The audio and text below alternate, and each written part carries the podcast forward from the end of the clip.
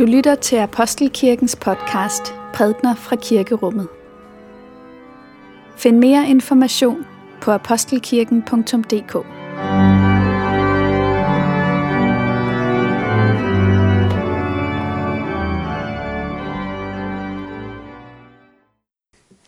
Denne hellige lektie skrives i første Mosebog.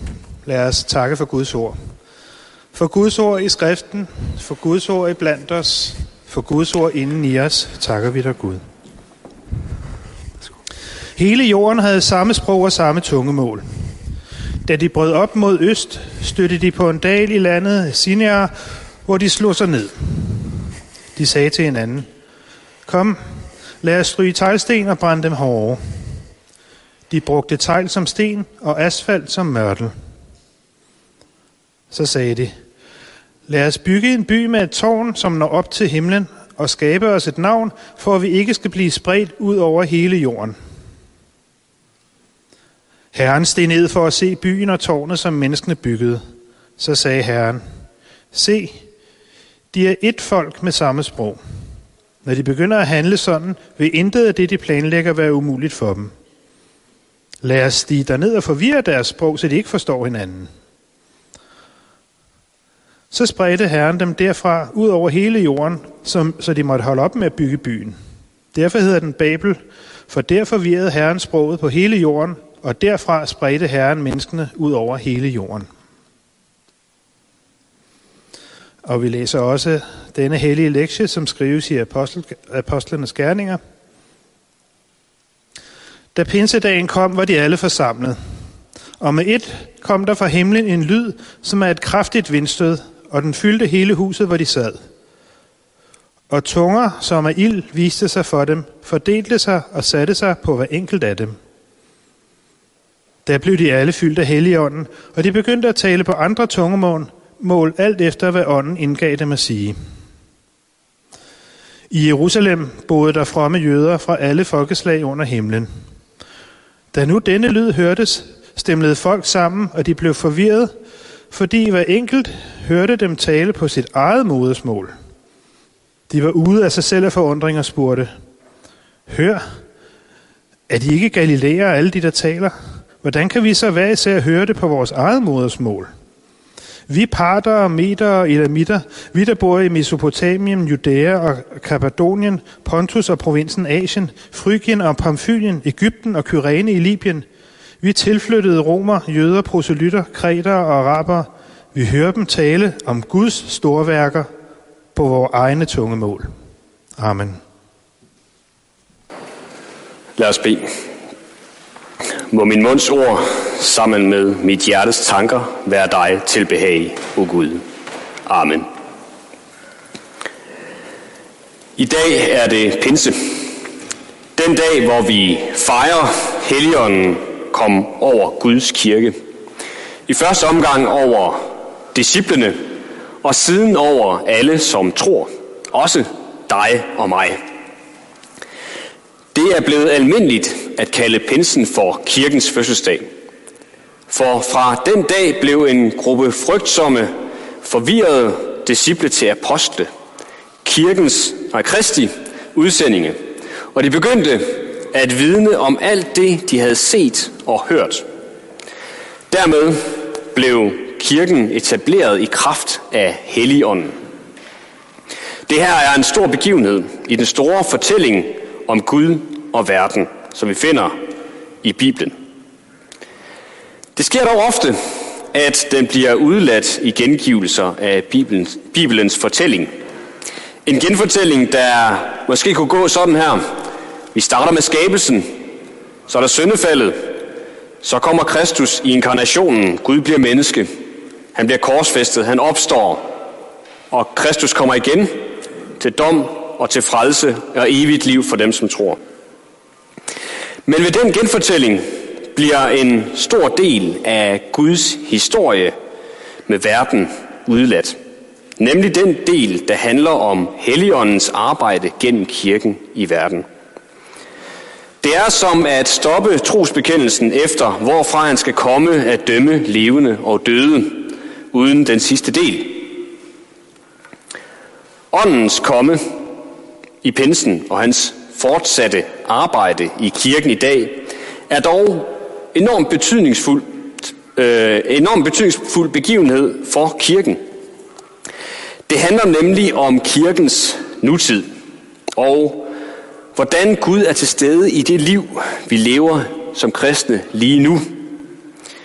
Når vi fejrer pinse i dag, er det mit håb, at vi bliver berørt af ånden, ligesom de første kristne blev det ved den første pinse. Både som menighed, men også individuelt. For noget af det, Helligånden ønsker at gøre for os, er at berøre os, så det vi ved med vores hoveder, bliver en erfaret virkelighed i vores hjerter. Teksten om den første pinse er fuld af opsigtsvækkende elementer. Der er lyden af et kraftigt vindstød, tunger som er ild, der fordeler sig på de nok omkring 120 personer, der var samlet, og en blanding af alverdens forskellige sprog. Og den umiddelbare reaktion fra dem, der så det, var forvirring. Og vi må spørge, som de gjorde, hvad betyder det? Og vi skal fokusere på sprogunderet. Det, at disciplene begyndte at tale på forskellige sprog. Og det, at menneskene omkring dem hørte dem tale på deres eget modersmål. Og hvad betydningen er af det? Udover teksten om den første pinse har vi også hørt teksten om Babelstårnet. Og det er fordi, der er mange forbindelser mellem de to begivenheder. De handler begge to om sprog og om forvirring. For at dykke ned i betydningen af sprogunderet pinsedag, skal vi se nærmere på de to begivenheder i forhold til hinanden. Historien om Babelstårnet beskriver en fjern fortid, hvor der kun var et folk, en kultur, et sprog. Det folk beslutter sig, beslutter sig for at bygge en by, og de siger sådan, lad os bygge en by med et tårn, som når op til himlen, og skabe os et navn, for at vi ikke skal blive spredt ud over hele jorden. Lad os bygge, lad os skabe os et navn. Det vi hører her er en beskrivelse af et projekt, der handler om selvhævdelse, selvforhærdelse, selvrealisering. Alt sammen uden Gud. Tårnet skal nå til himlen. De ønsker at tage Guds plads, bygge en menneskehed, der kan klare sig uden Gud. Gud sætter dog en stopper for deres planer ved at forvirre deres sprog, så de må stoppe med at bygge byen. Og selvom sprogforvirringen i Babel her var Guds middel til at stoppe menneskets planer, så betyder det ikke, at sproglig diversitet er noget negativt. En form for forbandelse. Det er snarere at forstå som Guds måde at få gennemført sit formål med menneskeheden på. Gud ønskede fra begyndelsen, at menneskene skulle sprede sig, opfylde jorden, blive talrige, og den spredning ville naturligt medføre mangfoldighed. Historien om Babelstårnet begynder med de her ord. Hele jorden havde samme sprog og samme tungemål. Og det kan jo lyde som en harmonisk tilstand. Men udtrykket samme sprog var i oldtidens Mellemøsten en metafor for undertrykkelse og assimilation af besejrede folkeslag af en herskende nation. Og sprogligt herredømme er et stærkt våben for et imperium. Så selvom der var enhed i Babel, så var der tale om en undertrykkende uniformitet, som vi kender den fra historiens totalitære regimer. Tænk bare på Nazi-Tyskland med et folk, et rige, en fører. Eller de kommunistiske regimer som Sovjet, Kina, Nordkorea. Beretningen om Babelstårnet står altså som en urfortælling om menneskets stræben efter magt og enhed uden Gud. En stræben, der står i modsætning til Guds formål for en mangfoldig menneskehed, forenet i relationen til ham. Så set i lyset af beretningen af Babelstårnet bliver det klart, at pinsen står som et svar på Babel. Men det er ikke en tilbagerulning af det, som skete i Babel. Der er ikke tale om en tilbagevenden til et enhedssprog. I modsætning til det undertrykkende totalitære rige, som Babel symboliserer, viser pinsen os Guds rige.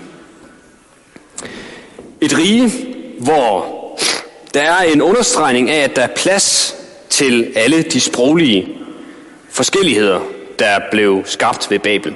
At Gud kan skabe en enhed midt i al forskelligheden.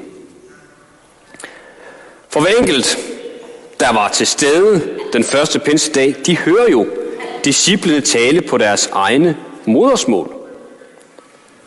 Og her er det vigtigt at vide, at mange af de mennesker, som var samlet i Jerusalem den dag, faktisk havde et fællessprog. Enten aramæisk eller græsk.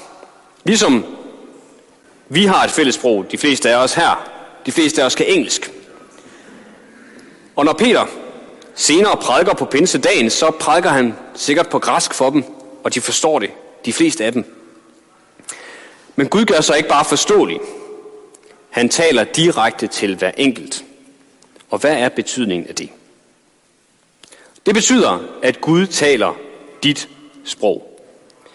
Og det gælder på et kollektivt plan. Han taler hver enkelt folkeslags sprog og ønsker at tiltale os som sådan. Og vi kan tale til ham på vores eget sprog. Det gælder på et individuelt plan i erfaringen af Guds kærlighed i vores indre. Gud taler vores hjertesprog. Lad os se nærmere på de to ting. Første omgang det, det kollektive. Det er nemlig det, der er pointen med, at vi har alle de her svære stednavne i dagens tekst. Altså, vi kommer rundt i hele den dagkendte verden, og Lukas gør sig umage med at skrive alle de her steder ned. Og pointen med det, det er, at der er intet sprog, der er undtaget. Gud bekræfter gennem Helligånden alle verdens forskellige sprog. Nord, syd, øst, vest. Det betyder, at intet sprog, intet kultur i verden har noget fortrin i forhold til andre. Og det her det er en pointe, som kristne i historien ikke altid har taget til sig, og måske stadigvæk ikke altid tager til sig. Ofte i kirkens historie, så har kirkens mission også været imperialistisk og undertrykkende. Missionærer har mere eller mindre utilsigtet bragt en bestemt kultur med sig, som troende fra en anden kultur er blevet påtvunget. Jeg vil nævne et eksempel på det, som jeg kender fra min tid i Etiopien. Der fortalte en kollega mig om, hvordan hun havde besøgt en folkegruppe i et meget varmt område. Og det varme klima betød, at folk traditionelt klædte sig med meget lidt og løst tøj. Men når de blev kristne og kom i kirke, så havde de jakkesæt på, selvom det var ulideligt i varmen. Og det havde de, fordi de troede, at det var påkrævet, når man var kristen. Det samme sted blev gudstjenesterne afholdt på et andet sprog end folks modersmål. Hvilket førte til, at folk troede, at de ikke kunne bede til Gud på deres eget sprog. Og her handlede det ikke, som det så ofte gør, eller har gjort, om vestlige missionærer. Det her det var etioper fra en folkegruppe, der bragte evangeliet til andre folkegrupper i Etiopien. Og tilgangen betød, at nogle folkegrupper følte, at de var mindre værdige i kirken, og at de hørte til i periferien af Guds folk. Dagens tekst minder os om den mangfoldighed, der skal være plads til i kirken, når det gælder sprog og kultur. Og det gælder på det her kollektive plan. Vi må sige til alle folk, uanset sprog og kultur, her er der plads til jer. Men det gælder også individuelt. Vi må også sige, her er der plads til dig. At Gud taler dit sprog betyder, at han forstår dig til bunds. Gud taler dit hjertes sprog. Og i modsvar til Babel, så er budskabet, at vi ikke er guder. At vi ikke selv skal skabe os et navn eller definere, hvem vi er. Vi behøver ikke stræbe opad for at nå Gud.